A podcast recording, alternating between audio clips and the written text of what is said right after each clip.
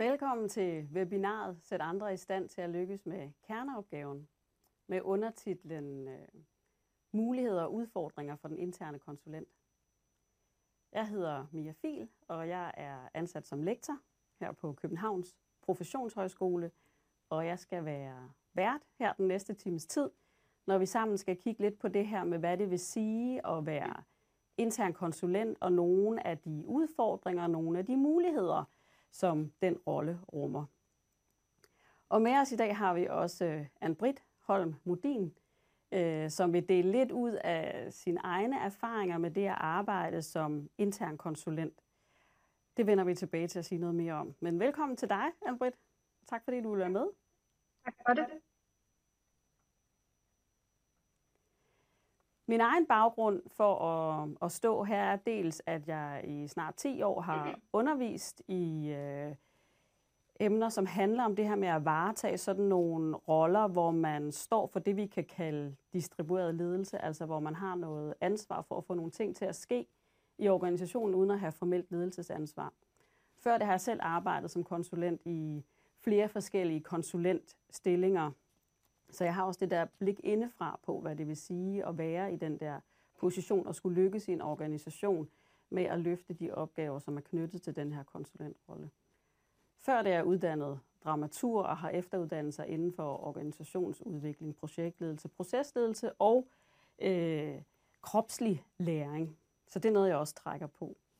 Øh, den konkrete anledning til, at øh, jeg står her og deler ud, er, at vi har udviklet en konsulentuddannelse, og da vi gjorde det, der var vi ude og interviewe over 40 forskellige mennesker ude omkring, dels mennesker, som arbejder i de her forskellige konsulentfunktioner, og deres ledere, for at finde ud af, hvad er det egentlig, hvor er det skoen trykker hen, hvad har man egentlig brug for.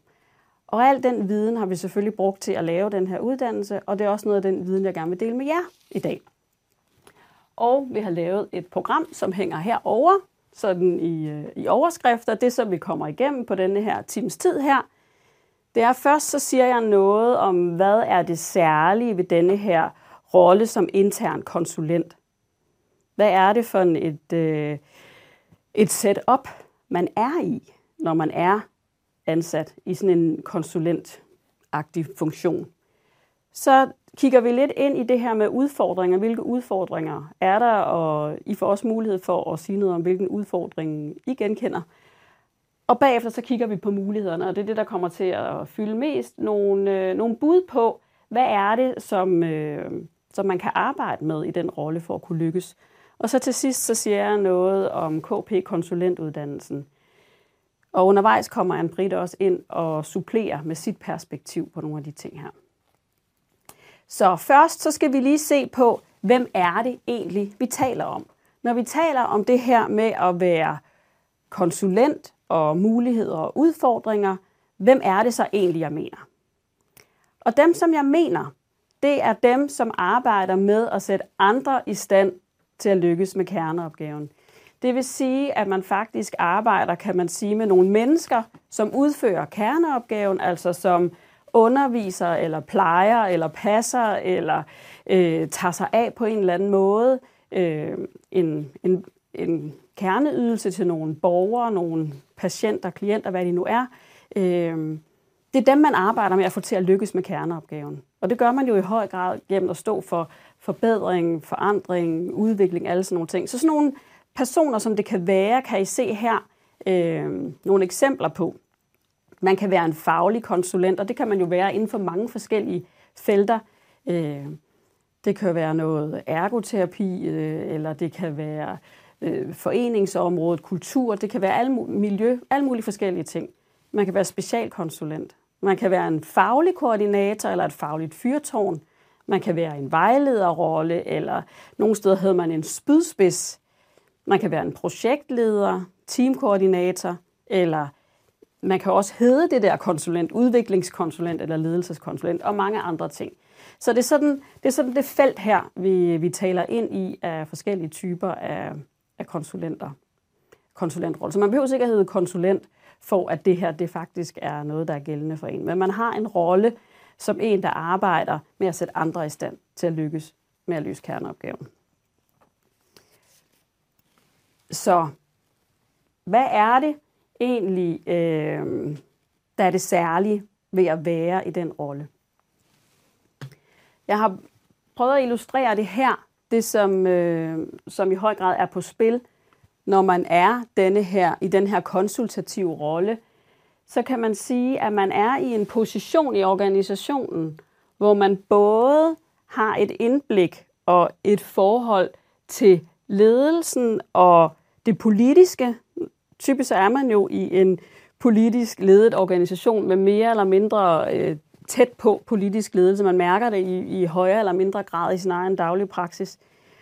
Og en organisatorisk dagsorden, altså der er noget, man vil fra organisationens side. Der kan være forskellige politikker, der kan være strategier, der er altså nogle ting, som man som konsulent nogle gange er med til at udvikle, nogle gange så er man den, som bliver trukket ind, fordi man gerne fra ledelsens og organisationens øverste lags side gerne vil have det ud og leve i organisationen. Og der er det, at man har noget på den anden side, og det er nemlig det kollegiale. Det er alle de her sådan, mennesker, som arbejder i organisationen, som man er kollega med, samtidig med, at man også har en særlig rolle i forhold til dem. Man kender typisk hverdagen for de her kolleger her. Man kender til de forskellige faglige hensyn, og nogle gange også de faglige dilemmaer, der kan være. Man er måske en, der noget af tiden er ude og arbejde på lige fod med de her kolleger med at løse de her opgaver her. Og andre gange, så går man ind i den her rolle her, hvor man er en, der skal få det her ud og leve her.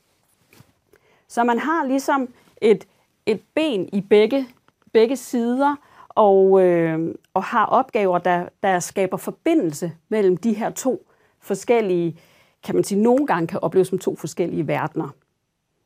Og det kan jo godt nogle gange gøre, at man kan føle sig enten sådan klemt eller trukket i fra de her to forskellige sider. Øh, og udfordringen kan være at få skabt den her forbindelse derimellem, sådan så det her det kommer til at øh, understøtte hinanden frem for at modarbejde hinanden, de her forskellige hensyn, der er på banen. Så lidt mere om udfordringerne. Der har jeg taget med på, på PowerPointen her nogle udsagn fra et tidligere webinar, jeg har holdt, hvor jeg har spurgt til, hvad er det for nogle udfordringer, I oplever i den rolle, som I har i det konsultative? Og øh, det centrerede sig mest om de her to klumper her, hvor den øverste handler om noget med, at der er mange forskellige hensyn. Der kan være rigtig mange t- forskellige ting på spil, og hvordan får man det forbundet? Hvordan får man balanceret og afvejet de her forskellige hensyn og imødekommet de her forskellige dagsordner? Og den nederste klump, den handler rigtig meget om det der med ledelse. Hvordan er det, at man kan få pålagt de her det her ledelsesansvar uden at have ledelsesbeføjelser. Det kan være upræcist, det kan være diffust, og der kan være nogen, hvor man oplever, jamen de, de godtager ligesom ikke det mandat, jeg oplever, jeg har fået. Så det er sådan de to overordnede klumper, som, som svarene landede på. Og nu skal vi høre, Anne-Britt, hvad er det for nogle, nogle oplevelser, øh, du har med, hvad der kan være udfordrende i den her rolle her som, øh, som konsulent? Og du er jo ansat i Sundheds- og Omsorgsforvaltningen øh, i Københavns Kommune som sundheds- og omsorgsfaglig konsulent. Og Anne-Britt ja. deltager i øh, vores konsulentuddannelse, som er ved at, at nærme sig sin afslutning her, ja, og har været i gang næsten et år. Så hvad er det for nogle ja. udfordringer, du i særlig grad oplever, altså du møder i din praksis? Jamen, jeg synes egentlig, det spejler meget godt ind i den planche, du havde på lige før, øh, som også beskrev det. Det er netop det her med at skulle være bindeledet eller limen, der kobler hele den politiske dagsorden og agenda sammen med de enheder, som jeg egentlig er lidt sat i verden for os at understøtte, sådan så at, øh, at øh, der bliver taget hensyn til begge, begge dagsordner, kan man sige, fordi vi arbejder jo alle sammen med en kerneopgave, der skal løses, Øh, og det, det gør vi jo af hensyn til de borgere, vi har i vores, øh, som er vores omdrejningspunkt. Og hvordan kan vi så sikre, at vi ikke forstyrrer den kerneopgave, men, men får mulighed for at understøtte den bedst muligt. Og, øh, og udfordringen er selvfølgelig, at der er nogle politiske dagsordner, som skal implementeres bedst muligt, øh, på enhederne, men der er også den udfordring, at vi taler et forskelligt sprog, så man skal, man skal kunne koble sig på det sprog, der nu er der, hvor man er, om det så er, er det politiske niveau og ens leder og en direktion, eller om man befinder sig ude på, på en enhed, enten i en, en stab, øh, altså hvis, hvis man taler med staben, eller hvis man er helt ude på medarbejderniveau. Så, så det med at finde ud af, hvad er det for et samarbejdsfelt, eller hvad er det for nogle medarbejdere, som jeg egentlig lige nu taler med, og hvad er det for noget kommunikation og nogle metoder, som jeg skal trække med mig derud, for at være den lim, der binder vores forvaltningspolitiske strategi sammen med de kerneopgaver, vi skal løse. Øhm, det ser jeg som, øh, som nogle af de sådan, største udfordringer. Og så er det jo hele det her metodevalg omkring, hvordan får vi implementeret øh, de ting, vi så sætter i søen, så det også giver mening for medarbejderne og deres, øh, deres hverdag, deres arbejdsmiljø, men i sidste ende også for borgerne, øh, for det er jo dem, der kommer til at afspejle, når vi laver noget, øh, nogle nye implementeringer, hvordan havner det så ude hos borgerne helt generelt, sådan, så de føler, at medarbejderne også har øh, tid og mulighed og kompetencer til at være der for dem. Øh, så det, ja, det er nogle store udfordringer, men det er nogle spændende udfordringer, mm. synes jeg. Mm. Ja. Tak skal du have, Andrit. Det var spændende at høre, og det taler jo rigtig meget ind i den der rolle der, som, som den, der skal omsætte og oversætte. Altså jeg hører der rigtig meget med det der med, hvordan får man talt om de her ting, hvordan får man det til at give mening ved at tale i et sprog, som dem, man nu er ude sammen med, faktisk øh, kobler sig til. Ja. Og hele tiden med blikket for, at det skal skabe værdi i forhold til den kerneopgave, vi satte i verden for at løse. Fordi det er jo, også, ja, ja. det, er jo det, man er forpligtet på.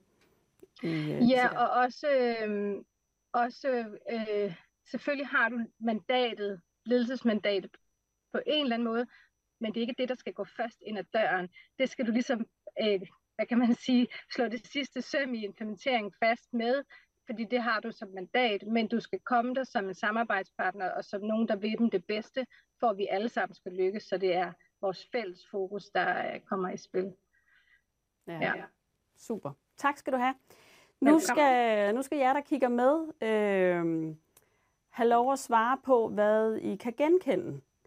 Så øh, der er sådan en lille afstemning her, så øh, du kan enten tage din telefon og så scanne denne her øh, QR-kode, eller du kan gå ind på denne her adresse her, som, som står på, på sliden, og logge ind. Og det får du lige et øjeblik til at gøre. Så kommer der et spørgsmål om lidt. Og det, som det handler om, det er, hvilken...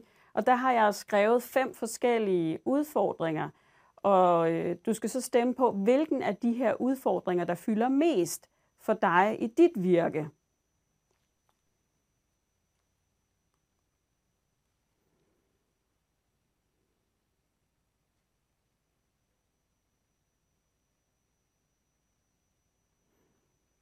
Så vi giver den lige et par minutter. Og så lige om lidt, så skal vi se, hvad det er for en af udfordringerne, som fylder mest.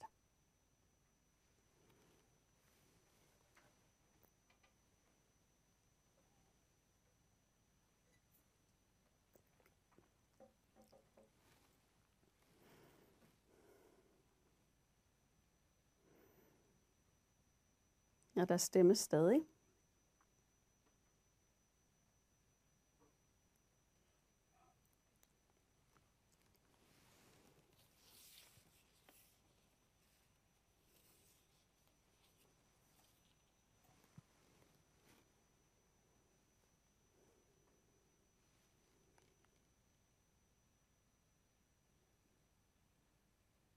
Tror jeg, vi ser, hvordan, øh, hvordan det ser ud.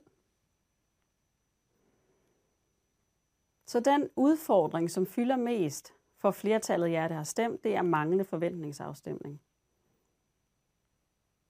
Næstmest er det, handler det om, at de mange dagsordner er rigtig svære at forene. Så vi går videre nu til at kigge på nogle bud på, faktisk i høj grad, hvad man kan stille op med den der manglende forventningsafstemning. Øhm, og hvordan man kan arbejde med det her med at balancere de her forskellige dagsordner. Så det er sådan en korte bud i overskrifter på, hvad er det, som øh, man kan tage fat på at arbejde med, for at få det her til at fylde mindre som en udfordring og mere blive til nogle muligheder. Så det første, jeg vil komme med nogle bud på, det er, hvordan konsulenten kan påtage sig ledelse. Og øh, hvis vi skal kigge lidt på det sådan ovenfra, så, øh, så kan vi betragte sådan, at øh, når man er i en position, hvor man skal bedrive ledelse uden formelt ledelsesansvar, så kræver det, at man har to ting. Hvor den første er denne her legalitet. Og legalitet, det er grundlaget for den formelle styring. Det er sådan den, det der formelle opdrag, som man har fået fra sin ledelse.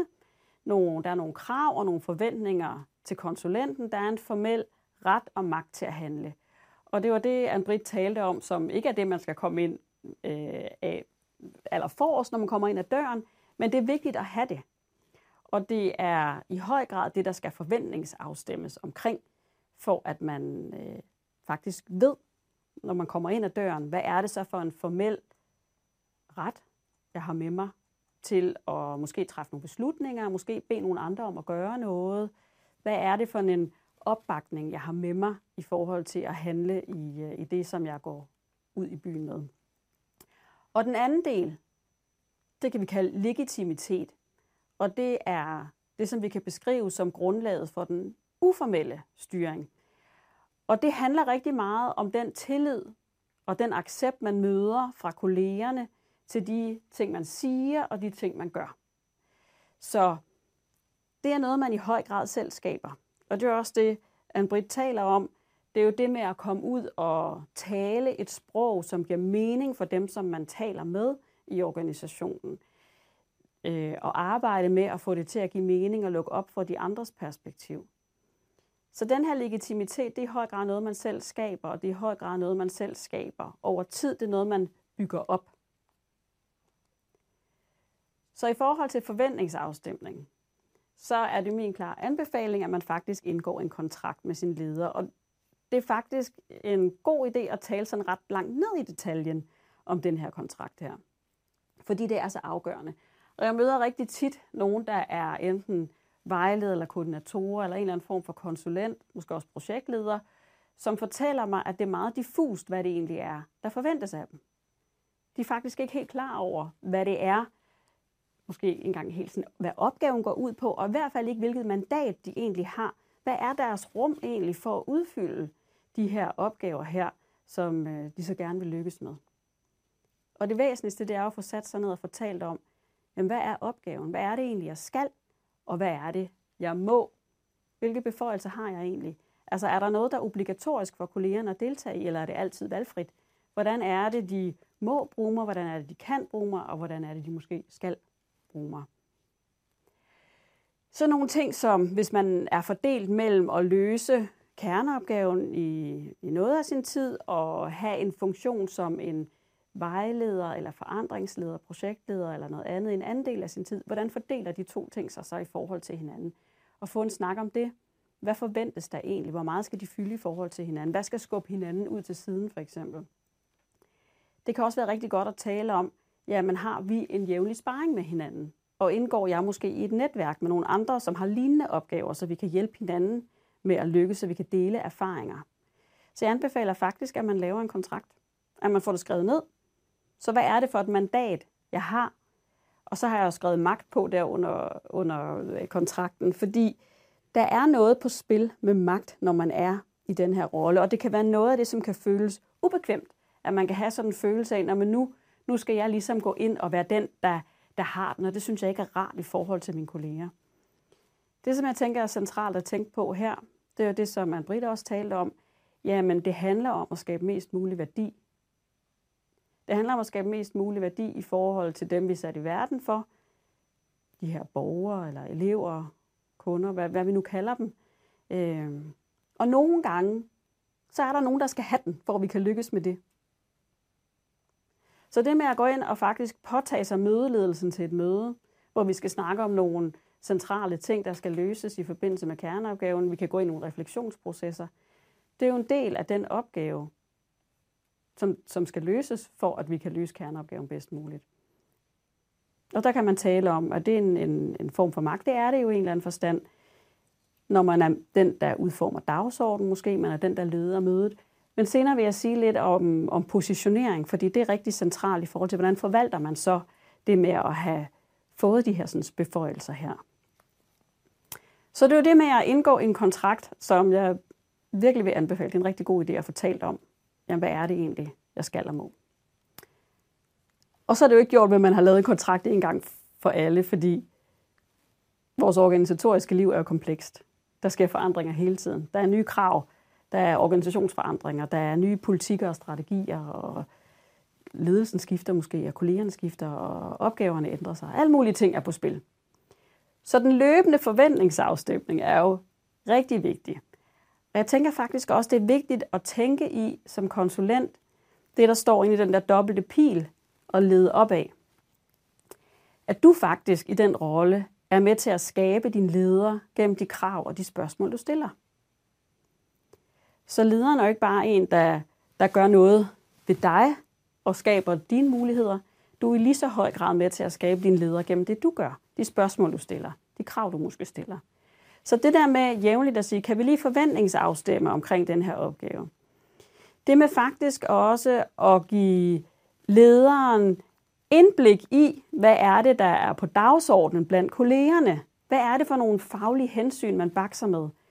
Man har den her virkelig vigtige position, som jeg viste før, hvor man står på en eller anden måde imellem ledelsen og kollegerne.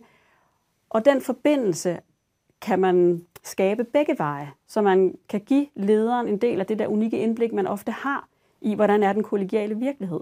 Sådan så lederen bliver bedre i stand til at træffe beslutninger og finde ud af, hvad vej er det, vi skal gå. Så den går begge veje. En del af det er også, at du faktisk kan hjælpe din leder i forhold til, når nye ting skal præsenteres for kollegerne. Vende for inden, hvad, hvilke ord vil det være smart at bruge? Hvilket sprog er det godt at tale i? Hvad er det for nogle ting, som kollegerne er rigtig optaget af, som det kunne være godt at tale det her nye ind i, så det kommer til at hænge sammen og give mening i forhold til det, vi allerede er i gang med. Så det der med at spille sin leder god, tænker jeg også er en rigtig væsentlig øh, mulighed for at lykkes godt i rollen. Så man tænker det begge veje, både og, at man leder opad, og at, øh, at man forbinder mellem de to forskellige verdener. Og så øh, foreslår jeg også, at du skal stille krav til din ledere. Og er helt åben omkring, at du ikke kan trylle. Altså det ville være dejligt, hvis vi kunne trylle, men det kan de fleste ikke. Så måske kunne det være en idé at være ærlig om det. Så nogle gange, når der kommer sådan en ny strategi, eller et nyt projekt, eller et eller andet, hvad det nu kan være, som man skal være med til at få til at lykkes, en eller anden ny dokumentationsform, eller hvad ved jeg, og faktisk sige, øh, det der, det, det tror jeg faktisk ikke, at vi kan lykkes med at gøre på den måde her, som det er lagt op. Jeg tænker, at vi måske skal vente med det, eller vi skal gøre det på en anden måde. Så man også øh, nogle gange hjælper til, at der bliver stoppet op. Jeg ved godt, der kan være alle mulige sådan, øh, politiske hensyn og topledelse osv., som, øh, som vil rigtig mange ting, som man som konsulent bliver, bliver enrulleret i at få rullet ud i organisationen. Nogle gange kan det godt betale sig at stoppe op og prøve at sige, kan vi gøre det her på en lidt smartere måde? Kan vi måske sænke tempoet lidt, og kan vi måske lave mere plads til, at kollegerne kan få mulighed for at skabe mening i det, der sker? Så man ikke kommer til at blive spændt for en vogn, man faktisk allerede fra start af godt ved, man ikke kan få kørt ind over målstregen. Så det er noget med at prøve at, øh, at få noget realisme ind i, øh, i sin vurdering af arbejdsopgaverne, også og få den der dialog. Hvad er egentlig muligt her? Hvad, øh, hvad tror jeg egentlig, vi kan, vi kan lykkes med her? Og måske også komme med nogle forslag til, hvordan kan vi så gribe det her an? Så du går ind og er aktiv medskaber af, hvordan denne her opgave kan løses på en måde, så det giver mening i organisationen. Så det er altså noget med at stille krav til, til din leder og være helt åben om, at det der med at trylle, det er faktisk ikke lige det, du gør i. Så den anden klump, den handler om det her med at balancere de mange forskellige hensyn, der kan være i en organisation. Og der tager jeg denne her øh, figur frem igen som konsulenten, der står imellem ledelsen og det kollegiale. Fordi det, der skal til for at lykkes, det er faktisk at formå at bygge bro mellem de her forskellige dagsordner. Så at se sig selv som en, der skaber de her forbindelser ved at oversætte og omsætte. Begge veje. Altså, når der kommer den nye strategi, kig på den, analysere den, forholde sig til den. Jamen, hvordan er det, at den her den giver mening ude blandt de her kolleger, som skal leve strategien? Dem, som skal ændre adfærd. Dem, som skal gøre, at kvaliteten faktisk bliver højere i hjemmeplejen eller børnehaven, eller hvor det nu er, det handler om, at kerneopgaven løses. Hvad er det for et sprog, de taler i, som Anne-Britt også var inde på? Hvad er det for nogle ting, som i forvejen, kan man sige, virker ledende i deres praksis? Når vi kigger i en organisation, så er, kan vi betragte ledelse som ikke noget bare nogle ledere udøver, men der kan være alle mulige forskellige ting, der virker ledende. Altså det kan være måder, vi taler om noget på, det kan være måder, vi plejer at gøre noget på, alt mulige normer, vaner, adfærd osv., som virker ledende. Ved at prøve at forstå, hvad er det, der virker ledende i forvejen, er det meget nemmere at koble sig på det, og også gøre sådan, at kollegerne selv får lyst til at koble sig på denne her nye strategi, eller denne her nye måde at løse opgaverne på. Når, når man skal lykkes i denne her rolle her, så øh, er det også vigtigt jævnligt at tage spørgsmålet op, både over for ledelsen over for kollegerne. Hvad er det egentlig, I har brug for fra mig, for at kunne lykkes med jeres opgave? Så faktisk være åben og undersøgende i forhold til, hvad er det egentlig, der er brug for, for at vi kan lykkes sammen med det her? For at vi kan lykkes med at skabe den her værdi i organisationen. Så det er jo det her med at bygge bro, altså at forene de forskellige dagsordner ved egentlig at prøve at bygge bro og få oversat og omsat det til noget, der giver en fælles mening. Og for at kunne lykkes med det, så er det her med positionering, som jeg nævnte tidligere, helt afgørende. Vi positionerer os hele tiden, og positionering sker i sådan en forhandling. Så øh, det, der er rigtig vigtigt i forhold til at lykkes med konsulentarbejdet, det er at prøve at få sig en position, sådan så at de andre faktisk har lyst til at lytte. Og tit så forudsætter det, at man selv er den, der lytter først og mest. Så det med at kunne være nysgerrig og undersøgende på deres praksis. Hvad er det, der giver mening herude, eller hvad er det måske, der gør, at det her nye, vi skal i gang med, virker svært.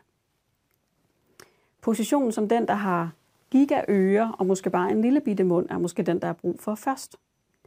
Det kan også i høj grad være med til at opbygge legitimiteten, at man kommer med en vis, jeg kan godt lide ordet ydmyghed, men det skal ikke forstås som underdanighed, men ydmyghed som en oprigtig nysgerrighed og en indstilling om, jamen det er ikke nødvendigvis mig, der ved bedst. Der er nogle ting, jeg ved bedst om, og der er også nogle ting, som jeg skal være undersøgende og nysgerrig i forhold til, for der ved I bedst. Så det er væsentligt at, komme ind og arbejde med de her forskellige positioner, for der er brug for noget forskelligt på forskellige tidspunkter. Og det kan man øh, se på denne her måde her. Sådan helt overordnet kan vi sige, at man kan være sådan to forskellige steder som konsulent, enten som en ekspertkonsulent eller som en proceskonsulent. Og hvis man er ekspertkonsulenten, så kan I se, så har man ikke fokus på processerne, men man har rigtig meget fokus på indholdet. Det er der, hvor man kan komme og fortælle nogle andre, måske i rollen som vejleder, hvis, øh, hvis det er rigtig, rigtig svært med de der øh, børn med diagnoser ude i klasserummet, så kan I gøre sådan og sådan og sådan, for eksempel. Hvis man er i proceskonsulent positionen, så har man rigtig meget fokus på processen, og man kommer ikke selv og leverer indholdet. Så er man den, der stiller de der spørgsmål der, som lukker op for, at de andre kan komme på banen. Så er det, man måske laver reflekterende team, hvor de her medarbejdere her, de hører hinanden fortælle noget om nogle hverdagsproblemer øh, eller succeshistorier eller et eller andet, så man faciliterer, at de andre kommer på banen med deres bud på, hvad der er svært og hvad der skal til for at lykkes og hvad man har prøvet, alle mulige forskellige ting. Så er det processen, som, øh, som man er optaget af at få faciliteret, så man fremmer, at de andre kommer på banen. Og nederst kan I se sådan en, en linje, øh, som skal med en linedanser på, som skal illustrere, at man kan, man kan flytte sig. Man kan gå fra ekspertpositionen til proceskonsulentpositionen, og man kan være et sted derimellem. Så man kan godt forestille sig, at man drysser lidt ekspert ud over den her proces øh, indimellem. Så handler det bare om at være tydelig omkring, hvornår er det, at jeg er det ene, og hvornår er det andet. Jeg har udfoldet det en lille smule mere her på den næste, hvad det er, ekspert eller proceskonsulenten henholdsvis skal. Hvor ekspertkonsulenten er en, der skal have ekspertise i forhold til indholdet og kende problemstillingerne, så er proceskonsulenten en, der har ekspertise i forhold til processen. Altså det her med at kunne facilitere. Så når man er ekspertkonsulent, så giver man sin mening til kende, mens når man er proceskonsulent, så bidrager man til, at andre kan komme på banen med deres mening, eller måske skabe ny mening. Og I kan selv læse videre, hvad det, hvad det indebærer. Og det her, det kan man jo gøre på rigtig mange forskellige måder. Begge dele. Det, der er øh, rigtig godt, når man er konsulent, det er at have flere forskellige metoder i værktøjskassen. Både til at være i ekspertkonsulentrollen og i proceskonsulentrollen. Det er noget af det, som jeg arbejder rigtig meget med at udvide værktøjskassen til, hvad er det, hvad er det, vi kan gøre? Hvad er det for nogle forskellige faciliteringsgreb, vi kan bruge, når der er nogle deltagere, der skal på banen og øh, forholde sig til noget, mene noget, blive klogere på noget, udveksle med hinanden, alle de her ting. Og hvordan får vi skabt et rum, så vi stadigvæk holder fast i, hvad det er, vi skal. Hvis der er en strategi, der skal ud og leve, så er det jo det, vi skal. Så skal vi på en eller anden måde have skabt nogle processer, hvor det kommer til at give mening, og hvor det bliver koblet til noget i de her kollegers hverdag, som giver mening for dem, og som giver mening i forhold til at lykkes med kerneopgaven. Og det kan jeg ikke nå at sige mere om på det her webinar, så det må blive en anden gang, eller hvis I kommer ind på nogle af uddannelserne. Men det er jo rigtig centralt at beherske sådan en flerhed af forskellige greb til at lykkes med at få lukket op for, hvad er det, der er på spil ude omkring. En interessant ting, det her, det er taget fra noget forskning, som er lavet i Evalueringsinstituttet, som har kigget på konsulenten, og konsulenten er i sådan en øh, sådan ressourcepersonrolle. Og det, de her pile illustrerer, det er, at denne her måde at, øh, at arbejde på er den mest effektive. Den første grønne pil, den siger, at konsulenten har en eller anden viden, eller tilegner sig en eller anden viden, eller en metode, eller en teknologi, et eller andet. Der er et eller andet, som konsulenten ved noget om, eller kan noget med. Ikke?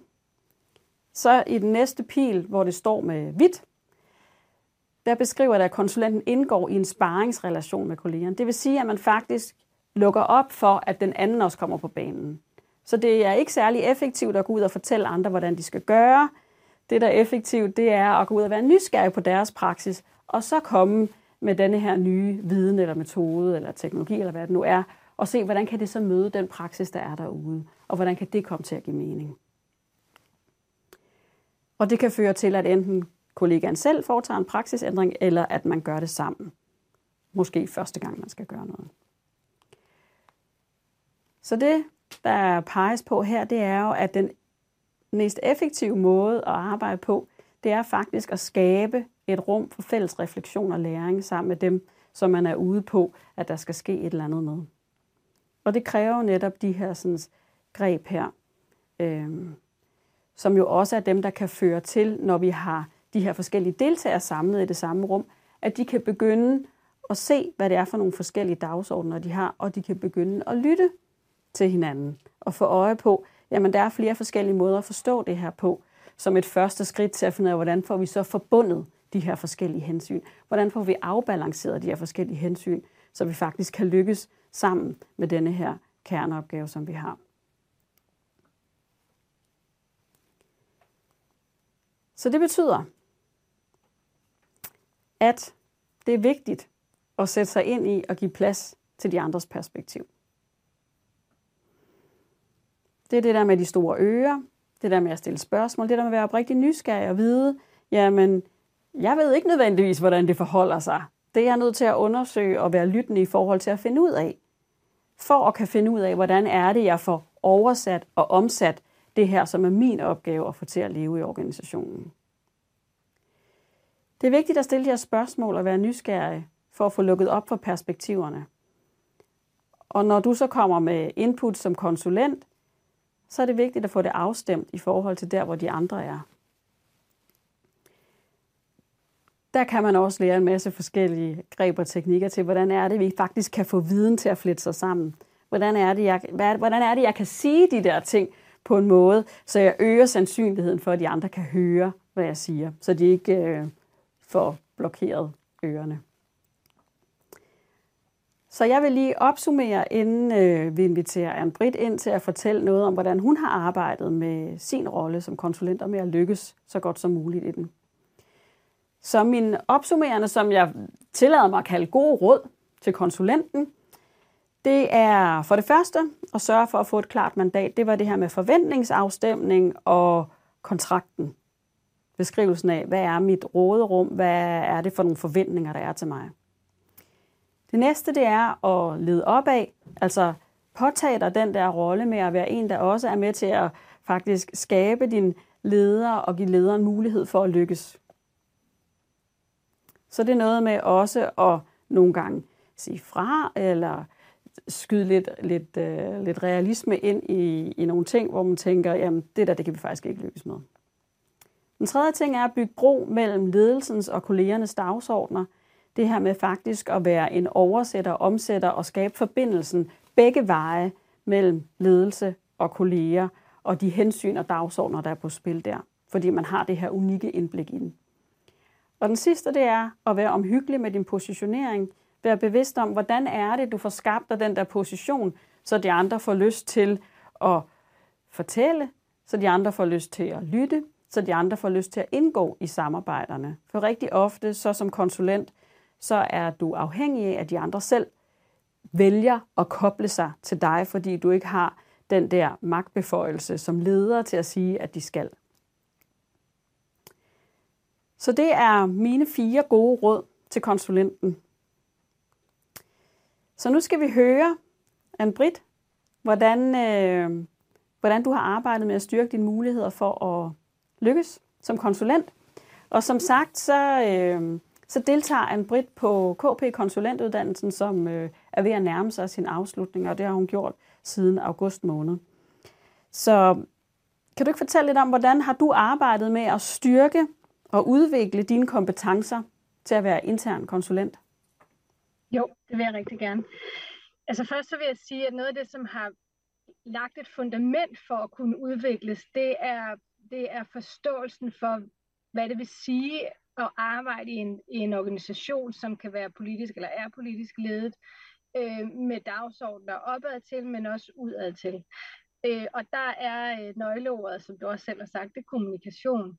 Øh, der er alle mulige greb i forhold til positionering og i forhold til at forstå strategier. Men, men øh, noget af det, som, har, som jeg forsøger at fortsætte med at styrke, det er mine kommunikative kompetencer som, som øh, som jeg virkelig har lært meget om på, på uddannelsen. Både øh, som har ændret øh, et personligt øh, fokus, kan man sige, men som jo gør, at jeg tager det mere og mere med i min hverdag som, som konsulent. Og det, og det er lidt en positiv spiral, fordi jo bedre man bliver til det, eller jo bedre jeg bliver til det, jo større forståelse for de dynamikker, en øh, organisation er som en levende organisme, jo nemmere bliver det også at afkode og positionere sig, hvis man gerne vil have lykkes med noget i en bestemt retning, eller hvis man har brug for at være med til at sætte en dagsorden. Øh, og så synes jeg, det, det gør, at jeg har fået nemmere ved at lede opad, øh, og har fået øje på, øh, hvornår det er vigtigst at lede opad, og hvornår det er vigtigere at påvirke horisontalt måske. Øh, det er noget af det, som jeg synes, øh, jeg er i gang med at udvikle, og som har styrket mine kompetencer, og at jeg har et fundament at stå på. Mm. Kan du sige mere om det der med, hvornår det er, det der med at lede opad, der er det centrale? Det du blevet... Men, ja, jamen, jeg, jamen, det kan jeg sagtens, fordi jeg synes jo, tilbage til, hvad er kerneopgaven, og at, øh, at, at vi har et fælles fokus med det tredje fælles på, på midten af bordet, for at sige, hvad er det egentlig, vi skal lykkes med. Og, og det kan ikke nytte noget, at vi kommer ud og skal sætte en masse ting i søen, hvis ikke ressourcerne er der, eller organisationen ikke er klar, eller projektet ikke er lavet ordentligt, fordi vi ikke har været ude og høre de medarbejdere eller borgere, som egentlig skal være med i det. Og det er jo vigtigt, at vi får fodret vores ledere, vores direktører, øh, som kan fodre det politiske niveau på en måde, så de forstår, hvad er det for en, hvad er det for en dagsorden, som medarbejderne og borgerne og enhederne lever i. Øh, hvornår giver det mening at, at implementere et særligt projekt, eller hvornår giver det mening at sætte ting på pause. Øh, så hele tiden at være den som en, en form for ambassadør eller advokat for enhederne, for at kunne for ikke at drukne dem i politiske strategier, men at, at spille ind og sige, måske er timingen lidt skæv, kan vi vente en måned eller to.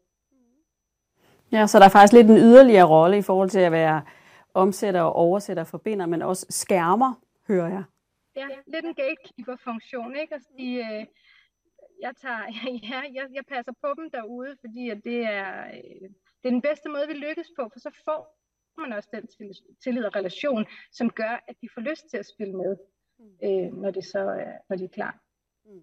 Ja, så kan de se, at det er alvorligt prioriteret. Ja. ja. Hvad har du, øh, hvad har du i særlig grad lagt mærke til af forskel i dit arbejde som følge af de her nye indsigter, du har fået? Altså grundlæggende, hvordan ens kommunikation påvirker ens omgivelser, og hvordan man kan øhm, styre med en proces også, ikke? styre, øh, styre øh, omverdenen, øh, påvirke omverdenen, og, og, og lidt som du sagde, prøve at være den her ydmyge rolle i, og, øh, og være, være åben op for at se, hvad er det for nogle medarbejdere, eller hvad er det for nogle medlemmer af den her proces, som vi har gang i, hvad er deres forskellige dagsordner, hvad er deres forskellige ståsted, hvad er det, det har modstand, eller hvorfor er det, de synes, det er, er spændende. Mm. Så, øhm, så kommunikation, være åben, øh, og så er der jo alle de her greb, hvis, når man står i forskellige situationer, store eller mindre faciliteringer, øh, som, øh, som gør, at man griber an til forskellige metoder, som, som lykkes, fordi man læser rummet. Man læser situationen. Så du er blevet bedre til at læse rummet?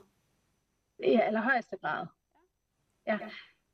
Tilbage til, men det er jo det, altså den nonverbale kommunikation også, ikke? Er det, kommer jeg ind med en dagsorden, og det er det her, vi gerne vil, kan fornemme, det er overhovedet ikke det, der skal foregå. Så er vi jo nødt til at snakke om det, eller så må man sadle om og inddrage dem, som sidder i rummet, øh, og sige, okay, hvis ikke det passer lige her, hvad er årsagen? Kan vi gøre noget andet? Kan vi hjælpe jer til at komme frem til det, så det passer? Øh, så læse rummet og, og, og tale sammen. Ja. Mm. Hvad synes du er den vigtigste læring, som, øh, som du tager med dig i forhold til at lykkes med din opgave?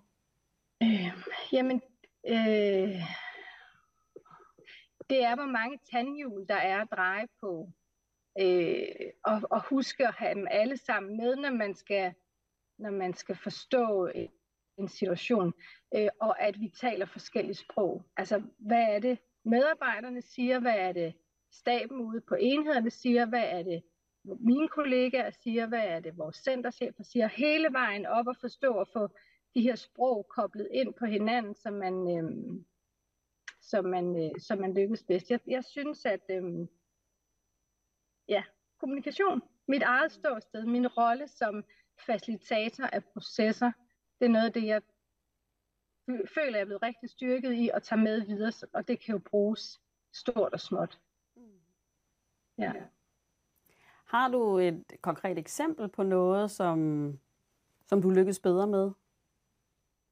Facilitering af processer. Når vi skal ud og implementere noget, øh, når vi skal ud og undervise, øh, nu ser vi, fordi vi er tit to og to ude, øh, så kan øh, en undervisning på fire forskellige enheder spænde fire, an på fire forskellige måder, men, men før kunne jeg måske godt føle, at, at, at der var bare sådan en lukket dør, men nu, nu går man jo ind og siger, okay, så er det fordi, I har brug for noget andet, vi sadler lige om, vi lukker den her, og så snakker vi om det, som gør, at I, har, I kan vende perspektivet, eller hvis der er nogle forståelseshorisonter, der skal tales om i stedet for, inden vi kan komme videre med det, vi egentlig havde tænkt os. Øhm, så, så læserummet, som man, vi har været med til at lukke et projekt halvt ned, fordi enheden var ikke klar til det, men det skal vi jo fortælle vores ledere, og det kan vi argumentere for, fordi vi kan finde ud af at snakke med dem nu.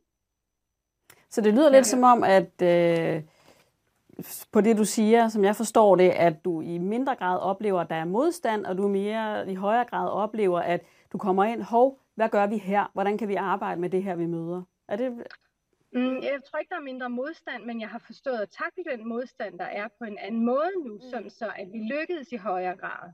Ja. Øh, og så en anden ting, jeg vil sige, øh, og det var noget, det, som jeg havde fokus på fra starten af, den her ramme, rammesætning, uanset om det er rammesætning af en proces eller et enkelt møde, eller om det er rammesætning med min, med min leder, lave en kontrakt, det, den er essentiel. Ja, det synes jeg, fordi det giver bare øh, muligheden for at tale om rammen og skifte fokus, og alle er enige. Mm. Øh, ja. ja. Så hvis du her til sidst skulle give et øh, godt råd til de konsulenter, som sidder og kigger på, hvad, hvad skulle det råd så være? Ja, det har jeg tænkt meget over. Jeg synes det her med at være modig, og, altså at ture, tage små skridt væk fra, vi plejer, og prøve at lave nogle små forstyrrelser i ens hverdag, så man øh, åbner for en nysgerrighed, man måske ikke tidligere ville være gået ind i. Så være modig og, øh, og ja, forstyrre en lille smule. Tak, det synes jeg var et godt råd. tak, Anne-Britt, fordi du ville dele, øh, dele dine erfaringer. Velkommen. Og nu vil jeg invitere jer, der kigger med, til at give et bud ind i, hvad I er, hvad er du blevet inspireret til. Så du skal tilbage på, øh, på afstemningen, som du var inde i før, med hvad, hvad det er for en udfordring, du bedst kunne genkende, og så skrive et ord, som, øh, som du er blevet inspireret til, som følge af det, du har hørt mig sige, og det, som du har hørt Anbrit sige om øh, udfordringer og muligheder i, øh, i konsulentrollen.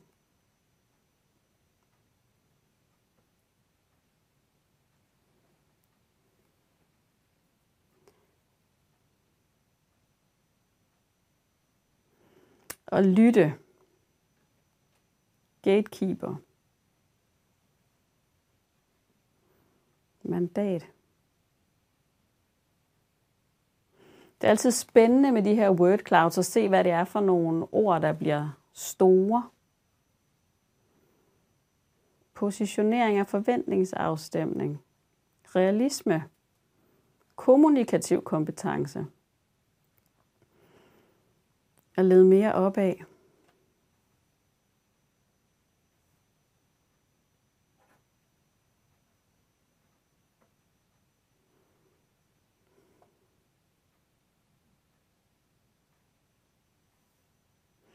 Balancere ydmyg og modig.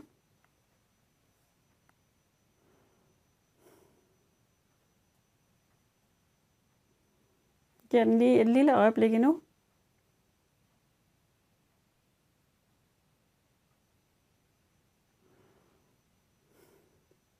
Led mere opad og være åben. Ekspert versus proces. Konkretisere opgaven.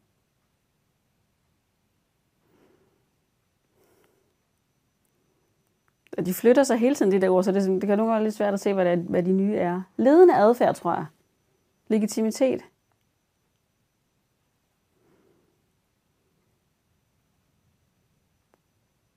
Yes, jeg tror, den er ved at...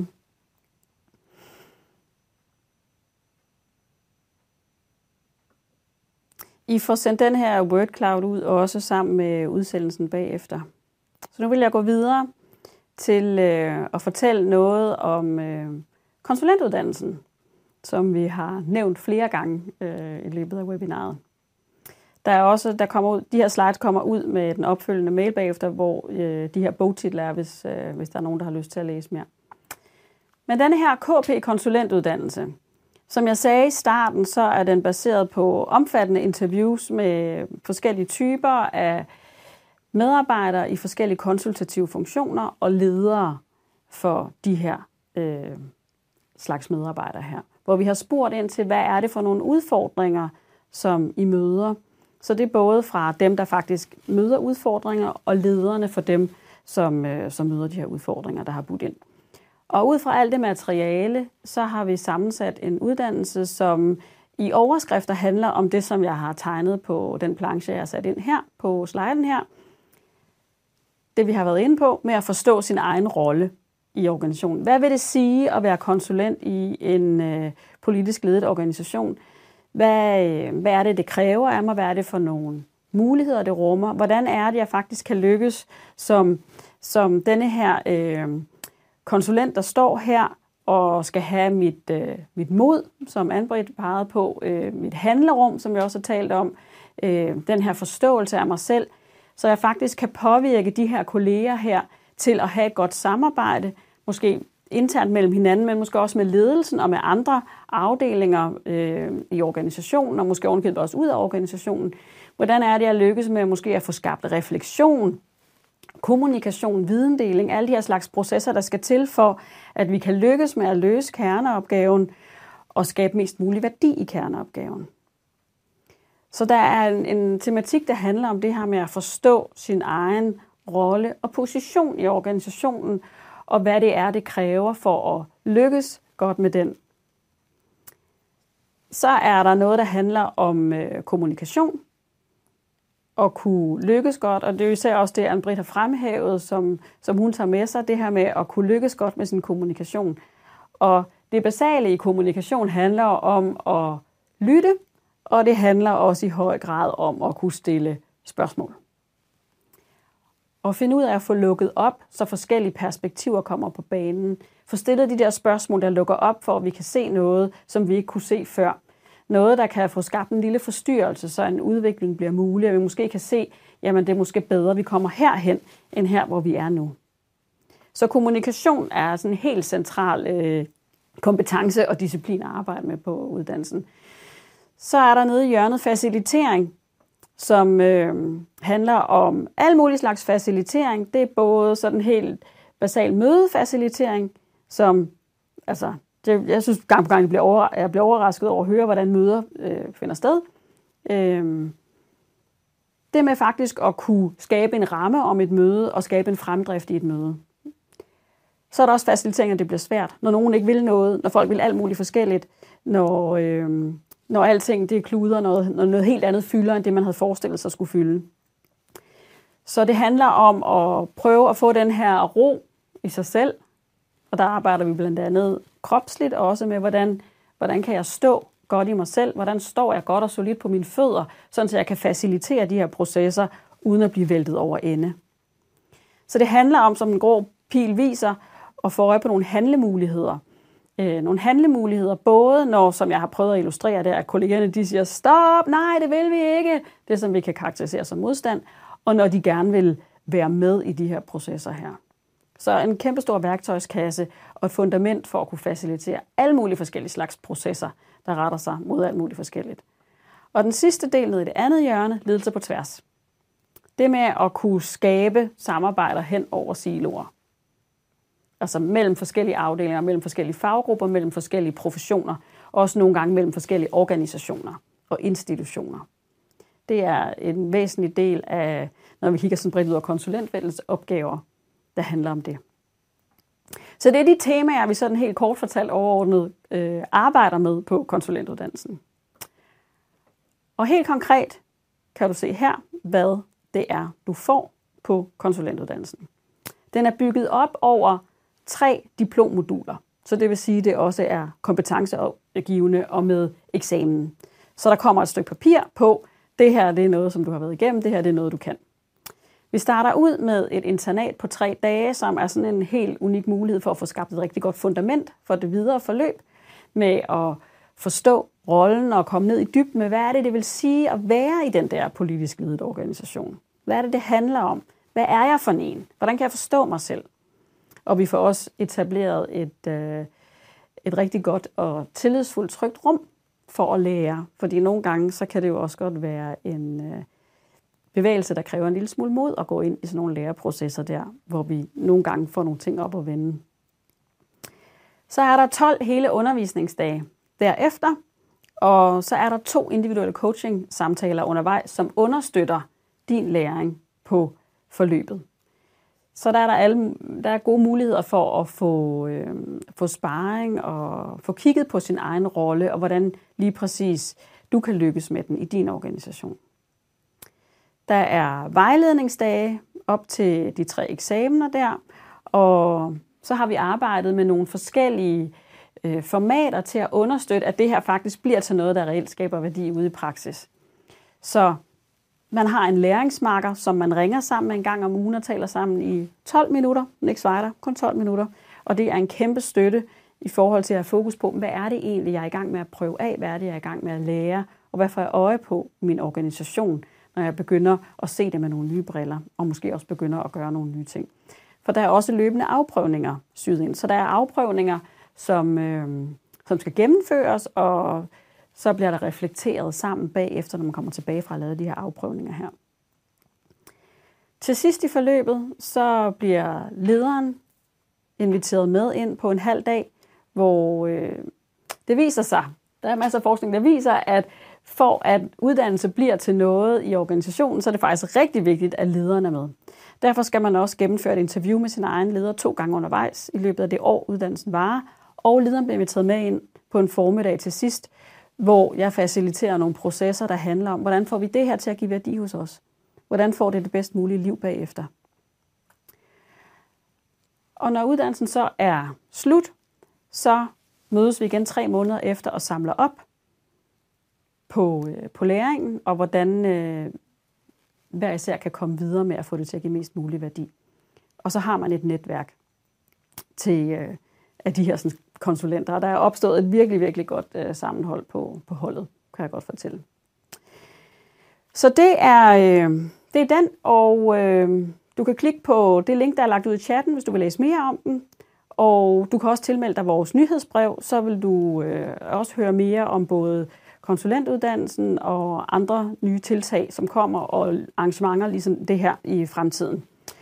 Så vi nærmer os øh, afslutningen, og øh, hvis du er blevet nysgerrig på det her, så er du meget velkommen til at ringe eller skrive til mig og høre mere. Og der bliver sendt en øh, mail ud med optagelsen af webinaret og med links og med mine kontaktoplysninger og alt muligt, som, øh, som du kan hygge dig med bagefter. Så til sidst, så vil jeg sige mange tak til anne Britt, fordi at du vil dele ud af din erfaring og din viden. Tak fordi jeg måtte. Og tak til alle jer, der kiggede med. Og jeg håber, vi ses i en anden sammenhæng en anden gang. Tak for nu.